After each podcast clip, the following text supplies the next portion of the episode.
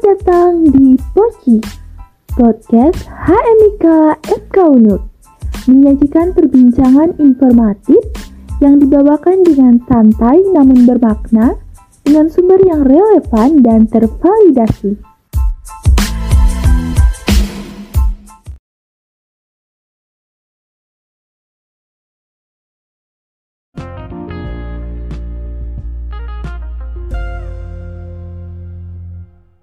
Halo teman-teman semua, selamat pagi, siang, sore, dan juga malam buat kalian yang lagi dengerin podcast ini. Semoga kalian nggak lupa ya sama kita. Kalau lupa, aku kenalin diri lagi nih. Oke, kenalin aku Mani, dan tentunya aku nggak sendirian nih. Aku ditemenin sama teman aku, yang namanya Ita.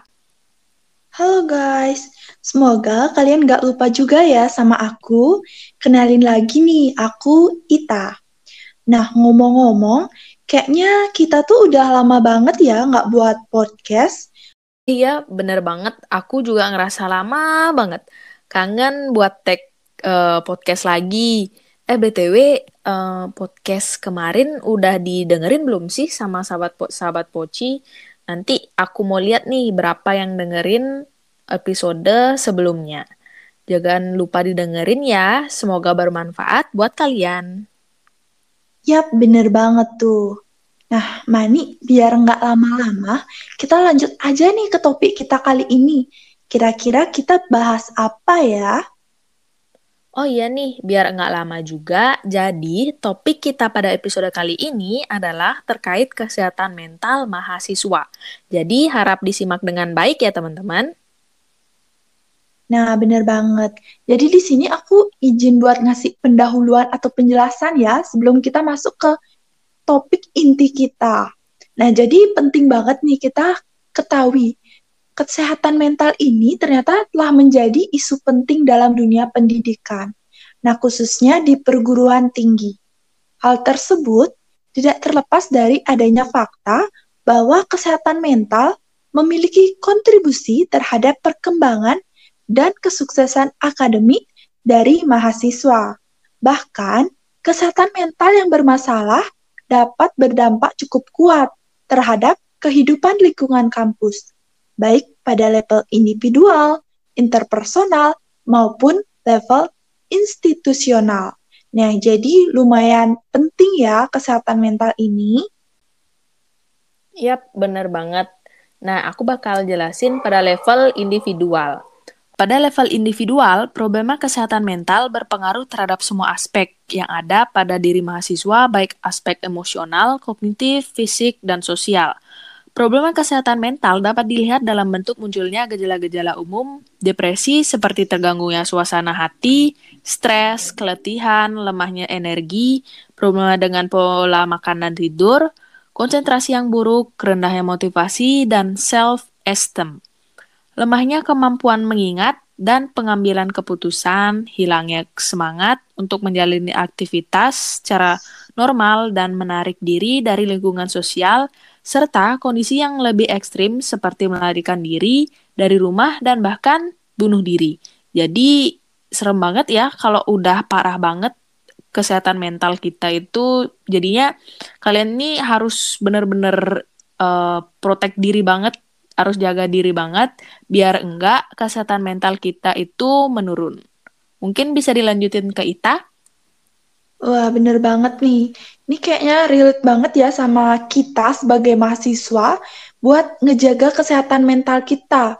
Selain itu ini juga tentunya relate banget nih sama teman-teman kita yang bakal berkuliah nantinya, mahasiswa-mahasiswa baru nih.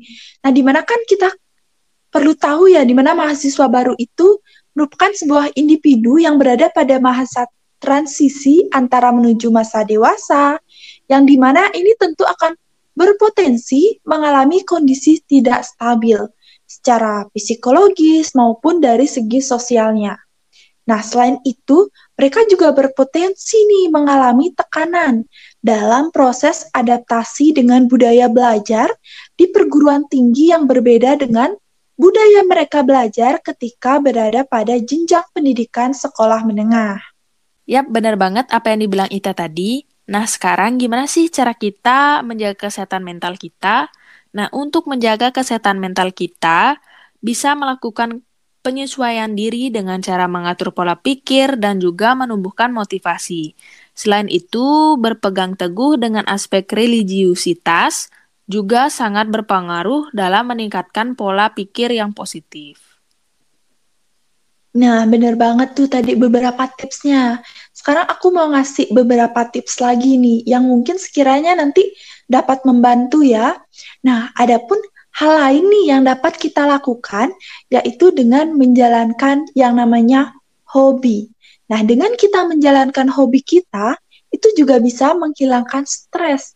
Misalnya kalau kalian nih hobi mendengarkan musik atau nonton Netflix, itu juga bisa menghilangkan rasa penat yang ada di otak kita. Tapi buat teman-teman atau sahabat poci semua, ingat juga ya waktunya jangan sampai kebablasan. Nanti lupa kewajibannya sebagai mahasiswa. Nah, atau misalnya kalian lagi bosen banget sama lingkungan belajar kalian. Misalnya nih, kalian belajar di rumah terus. Bisa diganti dengan kalian belajar di kafe, sambil ngobrol bareng teman, juga kan jadi lebih seru ya. Nah, jadi di sana kalian bisa sekalian sharing gimana perasaan kalian. Mungkin dengan kalian sharing ke teman, sahabat, pacar, ataupun orang tua kalian, itu bisa meringankan beban yang ada di pikiran kalian. Dan ingat, gak semua harus dipendam sendirian. Nah, itu juga nggak baik buat kesehatan mental kita ya. Karena masalah yang dipendam sendirian itu akan menumpuk di tubuh kita nih dan itu tentu akan membuat kita stres dan bisa menimbulkan beberapa penyakit. Iya, bener banget. Jadi harus banyak-banyak sharing. Sharing mulai terbuka pada orang yang kalian percaya. Oke, lanjut-lanjut. Apalagi kalau misalnya kalian suka sama orang terus dipendam kan juga nggak enak ya. Terus kapan jadiannya jadinya? Kan jadi ya kalau dipendam terus nggak jadi jadi. Bercanda ya guys. Jadi kalau misalnya mencari pacar ya bilang aja. Mungkin bilang suka kalau diterima ya syukur kalau nggak terima ya mungkin ya belum waktu lanjut lanjut lanjut kok malah ke sana ya Oke, selain yang dibilang Ita tadi, aku ada cara lagi nih, cara menjaga kesehatan mental. Yang di mana kita ketahui mahasiswa sebagai pelajar diharapkan untuk dapat menerima dan menyelesaikan tuntutan-tuntutan yang ada, sehingga mahasiswa membutuhkan yang namanya self-efficacy dan coping stress. Self-efficacy adalah keyakinan individu terhadap kemampuan yang ia miliki, sedangkan coping stress merupakan seseorang atau upaya seseorang yang dilakukan dengan tujuan untuk mengatasi tuntutan-tuntutan yang dihadapinya. Self-efficacy berguna bagi mahasiswa untuk meyakini bahwa dirinya pasti bisa untuk melakukan suatu perilaku dalam situasi tertentu. Melalui keyakinan diri tersebut, mahasiswa akan memiliki coping stress yang tinggi, sehingga mahasiswa dapat mengatasi permasalahannya dengan baik. Jadi, disimak ya apa itu self-efficacy dan coping stress.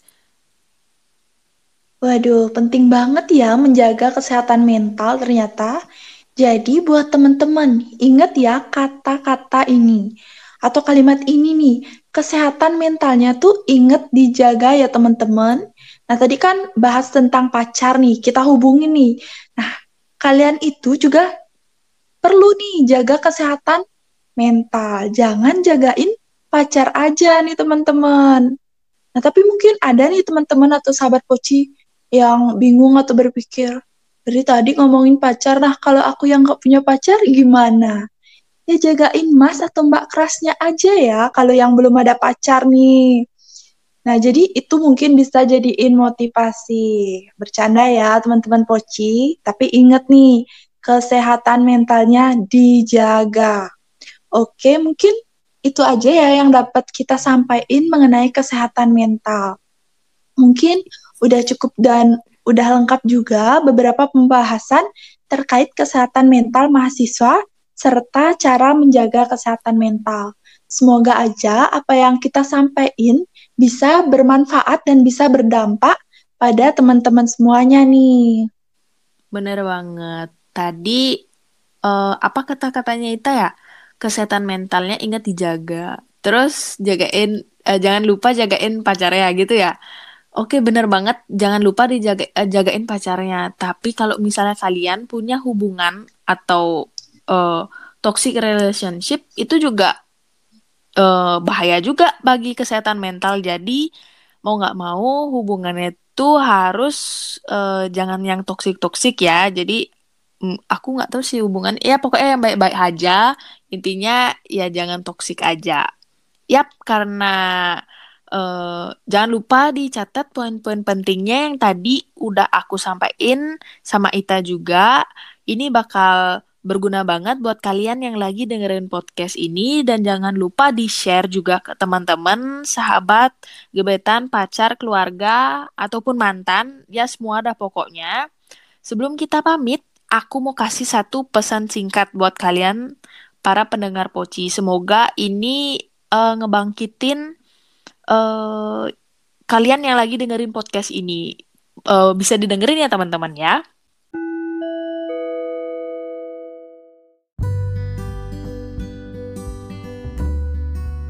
Banyak hal terjadi di luar kuasa manusia, tapi hidup juga tentang pilihan. Sebagaimana pilihan yang akan beriringan dengan adanya berbagai bentuk konsekuensi dan risiko tidak ada yang pernah bisa benar-benar menjamin akhirnya.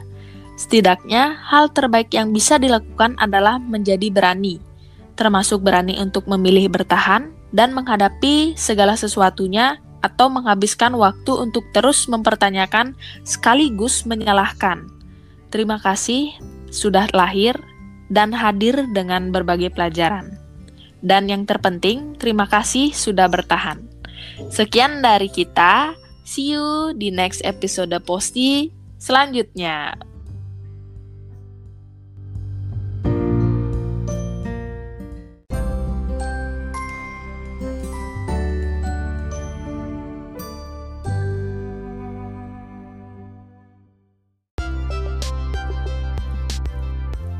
Nah, adapun sekian dari kami nih. Sampai jumpa buat para pendengar Poci di Poci next episode.